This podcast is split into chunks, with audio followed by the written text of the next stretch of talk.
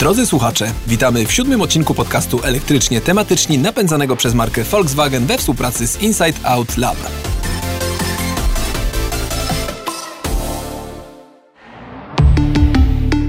Dzień dobry, tu Kasia Frendl z portalu motokaina.pl. I Paweł Pilarczyk z portalu IT Business. Tematem tego odcinka są samochody hybrydowe typu plug-in, czyli w skrócie PHEV. Rozwijmy może ten skrót, czyli Plug-in Hybrid Electric Vehicle. To są auta z dwoma rodzajami silników, tradycyjnym spalinowym, ale także elektrycznym. Tych silników elektrycznych może być więcej niż jeden. Ale gdy już mówimy o pojazdach wyposażonych w silnik spalinowy i elektryczny, na myśl przychodzą nam tak naprawdę samochody zwane e, hybrydami po prostu. E, czyli HEV, Hybrid EV, Hybrid Electric Vehicle. E, ale to już jest zupełnie inna kategoria pojazdu, ponieważ to są samochody, które nie mają gniazdka ładowania, więc akumulator można ładować tylko i wyłącznie podczas jazdy, wykorzystując w tym w tym celu silnik y, spalinowy. E, ale są y, samochody, w których y, zdecydowanie wiodącą rolę odgrywa, są to samochody, w których zdecydowaną rolę odgrywa silnik spalinowy. Dla porównania w samochodach plug-in hybrid, jak nazwa właśnie tych samochodów wskazuje, już takie gniazdko jest i można je ładować zupełnie jak samochody elektryczne, chociażby na przykład w garażu czy na, na ładowarkach y, y, powszechnie dostępnych na, y, na ulicach. Tak, i w tym odcinku właśnie zajmiemy się porównaniem tych trzech typów samochodów, popularnych także w Polsce właśnie hybryd, samochodów typu plug-in hybrid i właśnie zwanych pchewami, ale także aut elektrycznych wyposażonych wyłącznie w silnik elektryczny, czy silniki elektryczne, bo może być ich e, kilka, czyli tak zwanych BEW-ów. E, to jest skrót oczywiście Battery Electric Vehicle. Dziś z nami studio jest także gość, Michał Baranowski, dziennikarz magazynu Manager Floty, przedsiębiorca z branży elektromobilnej. Cześć Michał. Witajcie. Cześć. Michał, y, jesteśmy ciekawi Twoich wrażeń z jazdy, bo wiem, że ostatnio jeździłeś Volkswagenem Passatem GT plug-in hybrid i jesteśmy ciekawi Twoich wrażeń z jazdy, ale też to właśnie takiej codziennej eksploatacji. Wiem, że masz też porównanie z, ze zwykłymi hybrydami i samochodami elektrycznymi, więc popowiadaj nam tu trochę, jak to było z tym GT. Jak to było z GT? No hybryda typu plug-in, czyli samochód ładowany z gniazdka. Ja też na co dzień użytkuję taki samochód prawie od 4 lat, więc dla mnie żadna nowość, że muszę takie auto ładować. Hybrydy typu, typu plug-in są o tyle fajne, że mogą być używane jako auta elektryczne zupełnie, jeśli jeździmy po mieście i mamy ten zasięg 40-50 km, więc jest szansa, że nie będziemy w ogóle korzystać z silników spalinowych, przez co jeździmy tanio, bo trzeba powiedzieć, że prąd, który ładujemy z gniazdka w domu kosztuje około 4-5 zł za 100 km, więc to jest naprawdę tanio. Olbrzymia różnica w Olbrzymia stosunku do zwykłego paliwa, tak, prawda? poza tym jeździmy komfortowo, cicho i mamy przedsmak tej prawdziwej elektromobilności, czyli mm, samochodów elektrycznych. Tych zwykłych hybrydach, o których rozmawiamy, ruszamy tylko z baterii. Przez to ograniczamy e, spalanie i emisję mm, dwutlenku węgla, ale przy wyższych prędkościach ten samochód automatycznie przełącza się na silnik benzynowy. Już nie mamy tej radości z jazdy samochodem elektrycznym. Mm-hmm, no właśnie, a jak to jest z tym ładowaniem, prawda? Bo tutaj mamy e, zasięg elektryczny, na przykład w Passacie GT, ile on wynosi, ile można jechać e, maksymalnie na silniku elektrycznym? Katalogowo y, mówi się, że ten samochód przejedzie pię- do 57 km na, na, na, na tym napędzie elektrycznym. Ja go w ogóle w teście traktowałem ten samochód jak zwykły Kowalski, czyli nie korzystałem ze swoich doświadczeń y, z jazdy y, samochodami elektrycznymi czy hybrydami typu plug-in, po to, żeby zobaczyć, ile on faktycznie faktycznie przejedzie w takim normalnym użytkowniku. Poczułem się trochę jak kierowca, który pierwszy raz wsiada do, e, do samochodu e, takiego, takiego właśnie takiej hybrydy i Passat daje taką możliwość normalnemu kierowcy, bo tam jest zwykła skrzynia, zwykła oczywiście DSG. Nie tak jak w przypadku innych, e, innych e, marek, gdzie te skrzynie są najczęściej CVT i faktycznie trzeba się do nich przyzwyczaić. Tutaj w zasadzie, gdyby nie to, że jedziemy po cichu, to kierowca mógłby mieć problem z tym, żeby się odnaleźć, że jedzie tego typu samochodem. Więc wsiadając do tego samochodu po Warszawie przejechałem w upale, bo było 27 stopni, co spowodowało, że klimatyzacja cały czas była włączona na, na maksimum. Przejechałem 45 km. Uważam, że to jest bardzo fajny wynik. Mhm. E, I, I, faktycznie... E, praktycznie fakty... za grosze. Praktycznie za grosze, więc jakby cały dzień opędziłem sobie, mówiąc kolokwialnie, jeżdżąc na prądzie za te ile? 2,5 złotego. No właśnie, a przypomnijmy, że przeciętny e, Polak przejeżdża statystycznie 27 km dziennie. Także te 45 twoje to właściwie jest w dwójnasób dobrze. Świat i ludzie. No właśnie. Tak, tutaj akurat to co, to, co jest największą taką chyba różnicą między hybrydami tymi hewami, czyli nie, nie, y, takimi, które nie mają funkcji podłączania do, do ładowania i plug-in hybrid jest to, że rzeczywiście w takim plug-in hybrid można jeździć na większe odległości y, w trybie całkowicie elektrycznym. I to tutaj akurat y, ja podam trochę danych, bo udało mi się takie dane odnaleźć. Skąd ta różnica tak naprawdę wynika? Wynika przede wszystkim z pojemności akumulatorów y, w tych samochodach. E, akumulatory, takie, takie hybrydy bez y, możliwości ładowania mają bardzo małe akumulatory o pojemności mniej więcej y, między 1 a 1,5 kWh. Maksymalnie 2. Tak, mhm. no, maksymalnie 2 w przypadku takich właśnie tradycyjnych y, y, hybryd. Małe takie hybrydy mają nawet poniżej 1 kW, 0,9 kWh. Jest to wsparcie po prostu, tak? To, tak. to jest taki pomocnik, który czasem nawet w tych mild hybrid, tych miękkich hybrydach hybrydach jest właściwie tylko generatorem tak, tak. prądu. I ten, ten, ten, ten akumulator, tak, i ten, ten akumulator y, pozwala, y, pozwala przejechać oczywiście w y, trybie elektrycznym. Moż, można tym samochodem jechać w trybie elektrycznym, ale zasięg tego samochodu wynosi, uwaga, uwaga, półtora kilometra. Od półtora do maksymalnie dwóch kilometrów jesteśmy w stanie przejechać w trybie elektrycznym, więc poruszając się gdzieś powolutku w korku, wtedy rzeczywiście takie auto może, może się poruszać na, na silniku elektrycznym, ale już tego scenariusza codziennego jeżdżenia po mieście, dojazdu dojazdu y, do, do pracy, no to już nie jesteśmy w stanie przerabiać tak jak w przypadku... To znaczy, y, jest odzyskiwanie energii również, prawda? Z hamowania tak. na przykład, ale to nigdy nie będzie taki zasięg, który jest porównywalny z pluginem. Dokładnie, nigdy, nigdy mhm. to nie będzie 44 y, czy, czy 50 kilometrów, o których wspomniał tutaj Michał przed chwilą. A te, te, ten zasięg bierze się z tego, że w, w autach hybrid, znaczy plug-in hybrid, tam są już akumulatory na poziomie 10, a nawet ponad 10 kWh. Dla porównania, samochody elektryczne, o których my tutaj cały czas opowiadamy, mają akumulatory w zasadzie od 30 kWh w górę. Duże takie suwy elektryczne mają 80-90 kWh. Tak, żeby dać takie pewne pojęcie, jakie to są różnice wielkości. I stąd mamy... wynikają też zasięgi większe elektryków tak. stricte. Czyli plug-in hybrid to jest taki jakby mały elektryk. Elektryk z małym, z małym akumulatorem, a zwykła hybryda bez, nie plug-in to jest elektryk z mikroskopijnym akumulatorem. Ale świetnie, że powiedziałeś o tych kilowatogodzinach, bo następnego dnia przełączyłem się już kompletnie w tryb eko i też było ciepło i nie wyłączyłem klimatyzacji, co trochę zawyżyło wynik średniego zużycia energii. Teraz w przypadku elektryków i hybryd typu plug-in mówimy o zużyciu kilowatogodzin na 100 kilometrów. Tak jak producent, w elektryku. Tak, tak. Producent podaje w tym przypadku 15,7 w cyklu mieszanym. Mnie się udało zrobić 11,7, więc jest, przy tej baterii przejechałbym ile kilometrów? 70 prawie, tak? Mhm. Eco-driving. Eco-driving kompletny, e, ale z włączoną klimatyzacją. GTM ma zdaje się e, pojemność akumulatora 9,9 kWh. Tak. Mhm. A gdybym wyłączył klimatyzację, pewnie udałoby mi się zejść poniżej 10, więc to w ogóle już by był taki zasięg, ale wtedy nie byłoby komfortowo, bo bym się trochę zmęczył od temperatury. Ale można. A jestem ciekawa, jak porównałbyś to do takich właśnie tradycyjnych hybryd, bo e, jeździłeś takimi. I co? Bez przyjemności. Są takie hybrydy, które są budowane po to, żeby dać tylko i wyłącznie przyjemność. I wtedy to jest naprawdę fajnie, bo mamy ten dostęp do momentu obrotowego, tak jak w elektryku od zera, a potem włącza się silnik spalinowy, który, który działa tam, gdzie jest najbardziej sprawny, czyli przy wysokich obrotach. I to jest naprawdę fajne. Ale mówisz już o sporcie. Mówię o, takich samochodach, które są zbudowane nie po to, żeby oszczędzać e, paliwo, tylko po to, żeby dawać frajdę z jazdy. W przypadku faktycznie hybryd zwykłych są to samochody do pokonywania... Dla takich, przeciętnego Kowalskiego. Tak, do takich siermiernych miejskich kilometrów. I ciężko tam, mówiąc szczerze, czerpać przyjemność z jazdy, ale jeśli nauczymy się tym jeździć, to będziemy czerpać z taniej jazdy na pewno. Nie tak taniej jak w przypadku elektryków, ale, ale dalej dużo taniej niż samochodami e, benzynowymi. I to jest chyba y, najważniejsza zaleta takich samochodów hybrydowych w porównaniu do spalinówek, że one po prostu obniżają y, spalanie benzyny w mieście przede wszystkim, tak, bo w trasie ale... praktycznie mhm. tam nie ma żadnego zysku z tego silnika elektrycznego y, i nawet spalanie potrafi być nawet wyższe niż w samochodach spalinowych. Mówimy teraz właśnie o hewach, Tak, mówię, mówię o tych hewach mhm. tradycyjnych, mhm. tak. Bardzo często jest wyższe i ludzie się dziwią, że kupują hewa, myślą, że są ekologiczni ekologiczni będzie zużycie mniejsze, a później się tak, okazuje... jadą w że w trasie, czy na autostradzie, czy na obwodnicy, teraz bardzo często już po prostu ludzie biorą pod uwagę, że jadą do 120, no to niestety y, no, no nie ma tej oszczędności. A taką mamy na przykład w pluginach. I właśnie e, pytanie do Michała, e, jak u Ciebie było z tym zużyciem e, paliwa? Bo generalnie jazda po mieście, rozumiem, że na trybie elektrycznym wyłącznie jest tania, ale pojechałeś też w trasę i co wtedy? Tak, ale zrobiłem też test w mieście bez ładowania, czyli mhm. już jeździłem samochodem, który miał wyładowany akumulator.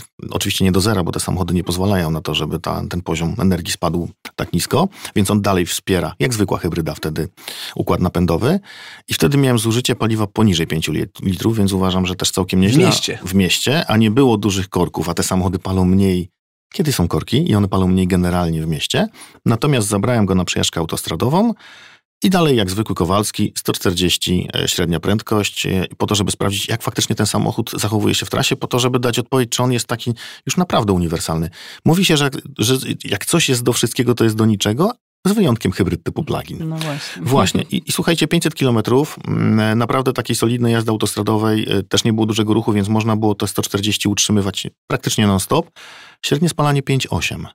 Więc to bardzo jest dobry bardzo wynik. dobry mhm. wynik. Bardzo dobry wynik. I pamiętajmy, że to jest duży y, samochód, tak? To jest właściwie y, no, średnia klasa, limuzyna można powiedzieć, e, a spalanie, zużycie jest właściwie porównywalne z małym miejskim autkiem i to bardzo często y, przy tych silnikach, załóżmy 1.4 turbodoładowanych, praktycznie nie do osiągnięcia e, takie zużycie. Praktycznie tak. Tutaj jakby walczymy też trochę z downsizingiem, bo ta hybryda trochę rządzi się innymi prawami. Możemy tutaj skorzystać z większych silników, dopalonych jakby tym napędem elektrycznym. I to, i to jest ta istota motoryzacji tej, tej hybrydowej dzisiaj. Na co z przyjemnością z jazdy?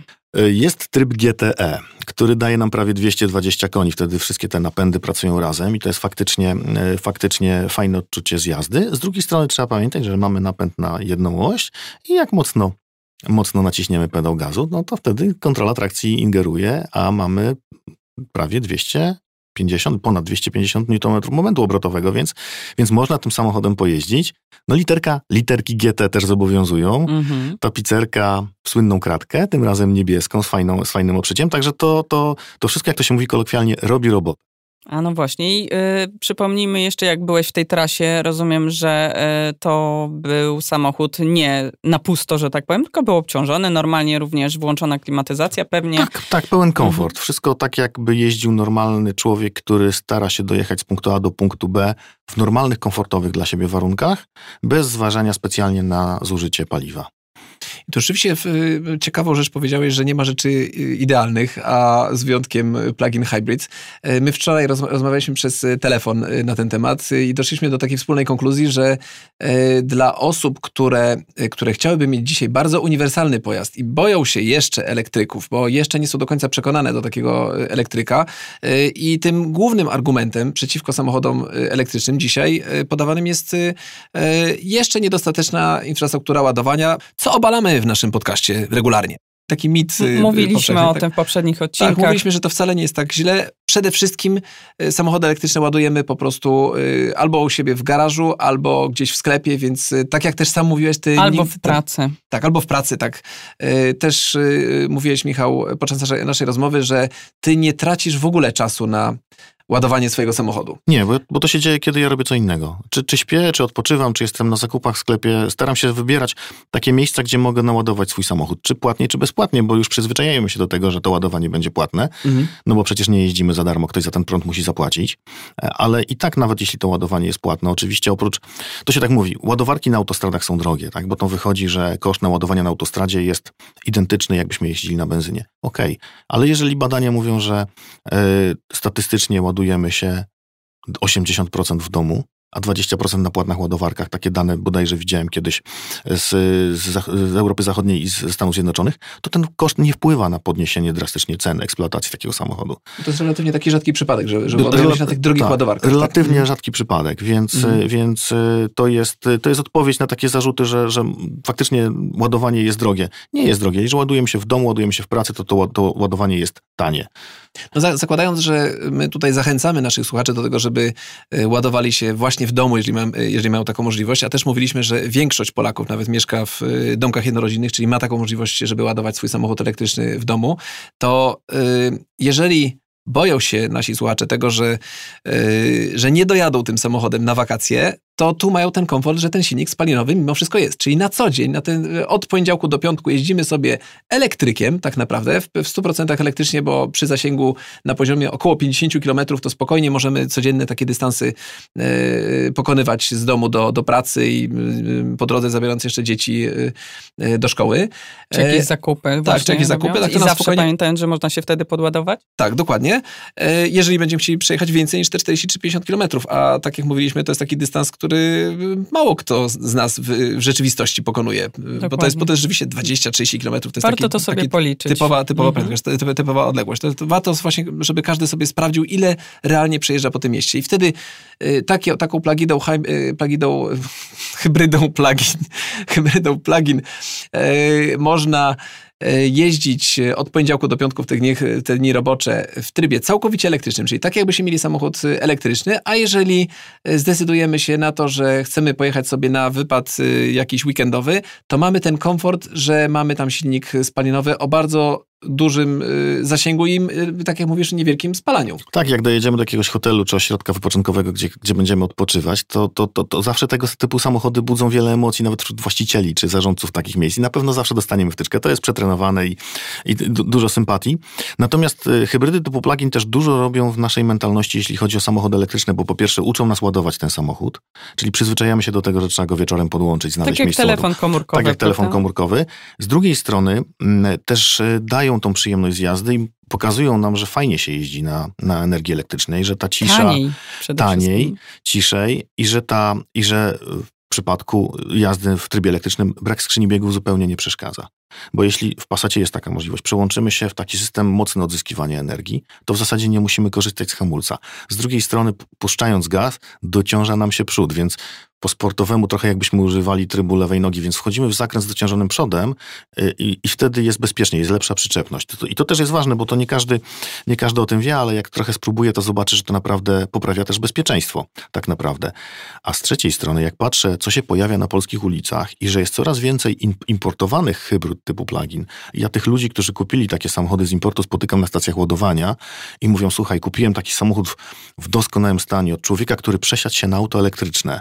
I takich przypadków jest dziesiątki. To znaczy, że gdzieś tam w Holandii ludzie już przyzwyczaili się do hybryd typu plug-in i to im otworzyło klapkę na to, że mogą już jeździć samochodami elektrycznymi 100% na co dzień. Więc to też jest kawał dobrej roboty pod kątem propagacji czy, pro, czy promocji elektromobilności. No właśnie, może warto w tym miejscu powiedzieć, ile takich e, samochodów jeździ w Polsce, tych poszczególnych typów.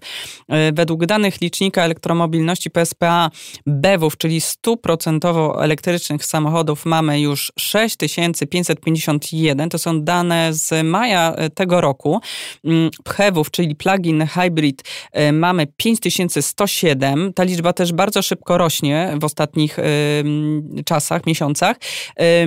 Hybryd tych właśnie tradycyjnych hewów mamy 144 313. To jak wspomniałam są dane PSPA. A dla porównania mamy powyżej 24 milionów aut osobowych w ogóle w, według danych Cepiku na koniec 2019 roku. Także tych samochodów jest bardzo dużo, ale rzeczywiście trend wzrostowy, jeśli chodzi o elektryki i pluginy, jest bardzo widoczny. Michał, jak myślisz, dlaczego się tak dzieje w Polsce? Myślę, że trochę poprzez oszczędność, że ludzie zaczynają dostrzegać to, że faktycznie jeździmy taniej. Jak spojrzymy na Ukrainę, gdzie tych samochodów jest bardzo dużo i to są najczęściej niestety samochody ściągane ze Stanów Zjednoczonych albo z Zachodu powypadkowe i remontowane, bo tam ludzie dbają o pieniądze i szukają takich rozwiązań, które będą tanie, głównie taksówkarze, więc tego jest całe mnóstwo. Był taki moment, że w samym Kijowie było więcej stacji ładowania niż w całej Polsce. Już tak całe szczęście nie jest, ale i to jest taki przypadek, gdzie można było to zrobić bez żadnych dodatkowych ulg. Potem, potem się okazało, że jeszcze zniesiono VAT i parę innych instrumentów się pojawiło. U nas e, trochę dobrego zrobiła ustawa o elektromobilności, bo jednak trzeba powiedzieć, że wymusiła na urzędach centralnych, żeby się przesiąść na elektryki. I są takie zastosowania samochodów elektrycznych, które dzisiaj są dużo bardziej ekonomiczne niż samochodów spalinowych, bo wyobraźcie sobie na przykład taki radiowóz, który jeździ po małym mieście i on dziennie przejeżdża 50 kilometrów i jest uruchamiany ponad 30 razy i to jest zabójstwo dla silnika spalinowego. Dla silnika elektrycznego to jest kompletnie niewrażliwe. To jest nic, tak. To jest nic. Zwłaszcza, że jest tam ten tak. system start-stop, prawda, który po prostu przy Co najwyżej elektryku... przycisk się wytrze, jeżeli będzie złej jakości. Nic więcej się złego nie stanie z napędem. Więc to są takie rozwiązania, które są bardzo dobre. Polacy przekonują się. Tych ofert jakby samochodów hybrydowych typu plug-in i samochodów elektrycznych jest coraz więcej. Kiedyś faktycznie było bardzo, ta oferta była bardzo ograniczona. Dzisiaj możemy Jest coraz więcej modeli. Tak. Rzeczywiście większość producentów, y, no właściwie to jest obowiązkowe mieć y, w swojej ofercie y, właśnie plugina, a już na pewno elektryka. Tak, ale co dobre, spójrzmy na tego Passata jeszcze. Wsiadamy do samochodu, jeśli jeździliśmy Passatem, to wsiadamy do samochodu, który teoretycznie jest taki sam. Więc jesteśmy do niego przyzwyczajeni. I tylko mamy tą rewolucję w postaci napędu. To też dobrze działa na ludzi, którzy chcą spróbować takiej, takiej jazdy. I tą wtyczkę, która jest takim y, trochę ekstrasem w tym samochodzie, czyli tak. jeżeli się uprzemy, to możemy tej wtyczki w ogóle nawet nie używać, jeździć y, całkowicie y, w trybie spalinowym. Czyli nie, ale nie to jest bez sensu. Jak mamy takie auto, korzystajmy z tego. Dokładnie, ale, ale to właśnie nam pozwala postawić ten pierwszy krok, tak? Czyli, czyli trochę się zaprzyjaźnić z tymi elektrykami, do których, tak jak mówimy, w przyszłości się przesiądziemy wszyscy i to już jest pewne, że, że samochody spalinowe znikną z ulic, więc do tego się musimy przyzwyczajać i musimy się zaprzyjaźnić z tymi samochodami. I to jest taki pojazd, który nam bardzo też pozwoli się yy, już przystosowywać do, do, do tego ładowania, jeżeli dzisiaj jeszcze nie jesteśmy gotowi na zakup y, samochodu y, elektrycznego, ale jeszcze chciałbym nawiązać do, do tych liczb, które podałaś Kasiu yy, i tych 144 tysięcy hybryd tradycyjnych. Ja myślę, że to jest też taka nasza narodowa cecha y, Polaków. My bardzo patrzymy na każdą złotówkę, którą wydajemy i szukamy tych oszczędności i to, że kupujemy nawet te zwykłe hybrydy, które tak jak wiemy w dużym stopniu się różnią od plug-in hybrid, ale, ale jednak pozwalają obniżyć spalanie. I to, co jest istotne i to, co też y, tutaj należy pochwalić te samochody za to, że jednak to ruszanie jest y, ultra ciche, jak w elektrykach w przypadku takich samochodów. Ja często jak stoję na ulicy i widzę ruszającą tradycyjną hybrydę z miejsca i ona rusza cichutko właśnie w trybie elektrycznym, to cieszę się, że to nie jest właśnie ten warczący samochód, zwłaszcza w tej sytuacji parkowania pod szkołą, o której też mówiliśmy w którymś mm -hmm. z odcinków. Tak, jest komfort po prostu akustyczny i w ogóle w miastach sądzę, że gdyby się wszyscy przesiedli na na właśnie czy pluginy, czy samochody elektryczne, e, to by się okazało, że nagle przy e, jeździe w korku jest dużo, dużo ciszej. No a przede wszystkim e, nie emitowalibyśmy przy okazji mnóstwa spalin. To powiem wam taką historię sprzed tygodnia. Jechałem z moim synem, no 16-latkiem już, świadomym motoryzacyjnie. Jechaliśmy z psami do lasu i w Konstancinie buduje się przy głównej drodze, buduje się nowy dom. Śliczny nowy dom. I ja mówię, wiesz co, Kajetan, szkoda trochę, że przy takiej ruchliwej trasie. On mówi, tata, za chwilę wszystkie będą elektryczne, nie będzie mu to przeszkadzać. A no właśnie. Właśnie tutaj może warto wspomnieć, dlaczego generalnie o tym mówimy, bo okazuje się, że Polacy nie odróżniają od siebie samochodów elektrycznych i hybrydowych. Z badania Inside Out Lab wiemy, że mm, z takiej ankiety, którą e, przeprowadzono wśród e, Polaków, mm, że na pytanie, czy jechali kiedykolwiek e, jako kierowcy samochodem elektrycznym, aż co dziesiąty odpowiedział na to pytanie pozytywnie i to cieszy, ale za to może zaskakiwać to, e, że e, przypomnijmy, że w Polsce jest niewiele ponad 6 tysięcy samochodów elektrycznych, a osobom, które twierdziły, że jeździły już tymi samochodami elektrycznymi, ankieterzy Insight Out Lab zadali dodatkowe pytanie o konkretny typ pojazdu. No i tu okazało się, że aż 51%, czyli ponad połowa odparła, że prowadziła samochód hybrydowy, mając y, w pierwszej y, odpowiedzi y, na myśli samochód elektryk. elektryczny. A kolejne 14% nie potrafiło odpowiedzieć w ogóle na pytanie, jakim typem jeździło. Tak więc można swobodnie założyć, że przynajmniej część z nich jechała też hybrydą. To pokazuje niestety no, jednak niską świadomość tego, że samochód hybrydowy nie jest samochodem elektrycznym w, pełnym rozumieniu tego słowa, czyli po prostu nie ma silnika mm, mm, spalinowego, stuprocentowy elektryk, no a w szczególności taki, którego nie można podłączyć właśnie do gniazdka. Także smutne wieści na temat y, świadomości Polaków, na temat no, hybryd. Smutne, elektryków. a może dlatego tu jesteśmy dzisiaj. No właśnie. No, chyba ja myślę, że przede wszystkim dlatego tu jesteśmy, tak żeby, żeby wyjaśnić y, naszym słuchaczom, jakie są y, różnice między samochodem elektrycznym. Pamiętajmy, że samochód elektryczny, takim, takim mianem można nazwać wyłącznie pojazd, który nie ma silnika spalinowego w ogóle. Tam jest tylko i wyłącznie silnik elektryczny i akumulator. Natomiast wszystko inne, wszystkie te inne pojazdy, które mają silniki spalinowe, są już hybrydami. Y, I tych y, hybryd mamy dwa, a tak naprawdę trzy rodzaje, bo jeszcze nie wspomnieliśmy o samochodach mild hybrid. Miękkiej hybrydzie. Mhm. Tak, miękki, miękkiej hybrydzie, która ma... Coraz powszechniej stosowanej i przypomnijmy, że to nie jest nasze widzimisię, że mówimy, że tych samochodów spalinowych nie będzie wkrótce. Po prostu takie są wymogi Unii. Takie jest, taki jest efekt porozumienia paryskiego i tego, że e, są już tak wysokie normy emisji, których po prostu silniki spalinowe nie są w stanie spełnić i producenci dwoją się i troją, żeby wprowadzić różne rozwiązania technologiczne, żeby e, no, przynajmniej starać się spełnić, bo oczywiście grozi za to dość poważna e, kara, jeśli, jeśli ta emisja będzie przekraczać normę. Tak, i wszyscy teraz producenci starają się te y, silniki elektryczne y, instalować w samochodach, również swoich spalinowych. I ten mild hybrid, tak pokrótce dosłownie powiem, że to jest, y, to jest taki rodzaj samochodu, który ma już bardzo malutki silnik elektryczny, tak naprawdę wbudowany w samą jednostkę napędową. Między silnikiem a skrzynią biegów jest zamontowany ten, ten silnik i tutaj on ma tak naprawdę tylko rolę wsparcia. Wsparcia, tak, tylko przy przyspieszaniu. Tam on, mhm. on podnosi tylko moment obrotowy w takim samochodzie, też pozwala na lekkie obniżenie obniżenie spalania w takim y, y, samochodzie, ale w tym wypadku to nie jest... Y, Nieznaczne. Nie, nie przy bardzo długiej eksploatacji by, by to zużycie tak, rzeczywiście tak, było Natomiast tutaj, tutaj, nie jeździmy w trybie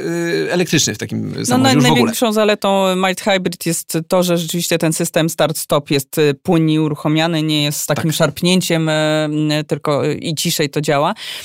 Natomiast Michał, jestem ciekawa generalnie jak ty... Mm, myślisz, czy właśnie takie przesiadanie się, żeby już iść w stronę ekologii na pluginy, e, to jest taki dobry pomost do tego, żeby wkrótce usiąść za sterami pełnego elektryka? Bardzo dobry, bo po pierwsze technologia jeszcze dojrzeje i nie będziemy mieli tego falstartu, właśnie falstartu z punktu widzenia kierowcy zwykłego, który mówi, że te 100 km czy 200 mu, dla niego jest niewystarczające. Słuchajcie, no już raczej powyżej 200 tak. większość e, ma elektrykę. Ja mam takich znajomych, których jak pytałem, e, zafascynowane elektromobilnością 5 lat temu, czy wsiądą do auta elektrycznego, to mówili tak, tak, jak będzie miał 150 km zasięgu. Potem rok później powiedzieli, jak będzie miał 200. Potem było 300. Nie teraz, wiadomo po co ten A teraz jest 700, tak więc, więc to trzeba wsiąść i spróbować. Z drugiej strony Spójrzmy na to tak, że elektromobilność uwalnia zupełnie nowe możliwości w, w, przemyśle motoryzacyjnym, bo budowanie samochodów elektrycznych jest dużo prostsze. Bo nie mamy kupy elementów ruchomych, ale nawet w hybrydach typu plug-in łatwiej jest dzięki drugiemu silnikowi elektrycznemu, o, których, o którym mówiłaś, zbudować napęd na cztery koła, co poprawia nam bezpieczeństwo. Niekoniecznie, yy, niekoniecznie mm, jest wtedy większy wydatek energetyczny. Ten, ten samochód zużywa trochę więcej energii, ale nie tak dużo więcej jak w przypadku silników napędów tradycyjnych. Więc to nam otwiera kompletnie nowe możliwości i te samochody można budować zupełnie inne, dużo bardziej komfortowe, z dużo większym miejscem na przewożenie bagażu, może tak.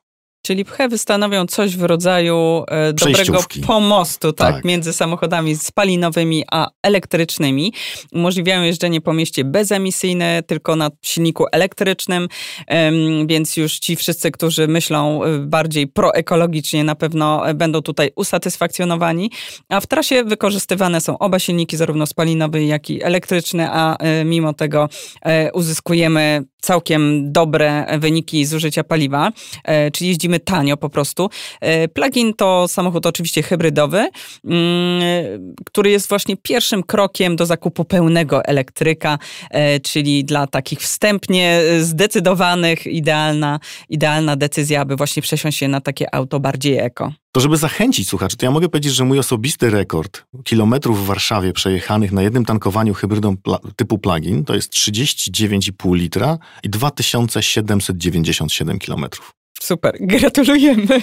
Super, więc y, rzeczywiście y, przede wszystkim to, co chcielibyśmy, żebyście słuchacze wynieśli z y, naszego podcastu dzisiaj, to, to informacja, że y, samochód hybrydowy przede wszystkim nie jest samochodem y, elektrycznym, rzeczywiście nie mylmy samochodów hybrydowych z elektrycznymi i że te hybrydy też dzielą się na dwa rodzaje. Jeżeli chcecie mieć już taką namiastkę samochodu elektrycznego, musicie po prostu kupić samochód typu plug-in, bo on pozwoli wam jeździć w trybie całkowicie I ładować z gniazdka I ładować normalnie, z gniazdka, tak. nawet w domu. Tak, tak. A więc zapamiętajmy, że mm, samochody elektryczne to wyłącznie te pojazdy, które w ogóle nie mają silnika spalinowego. Z, z kolei samochody wyposażone w silnik spalinowy, właśnie hybrydowe, mm, to są te dwie kategorie. Kończąc ten odcinek, chcielibyśmy zaprosić Was serdecznie do subskrybowania naszego podcastu. Przypominamy, że napędza go marka Volkswagen we współpracy z Inside Out Lab. Jeśli lubicie nasz podcast, powiedzcie o nim jednemu znajomemu. A jeżeli chcecie, byśmy w kolejnych odcinkach poruszyli jakiś farpujący Was temat, albo chcecie po prostu zadać nam pytanie, pytania związane z samochodami elektrycznymi, ale nie tylko. Czekamy na Wasze maile. Adres e-mail znajdziecie w opisie tego podcastu. Dziękujemy. Bardzo dziękujemy, Michał, dziękujemy, że przyjąłeś nasze zaproszenie. Dziękuję bardzo. I do usłyszenia wkrótce. Do usłyszenia.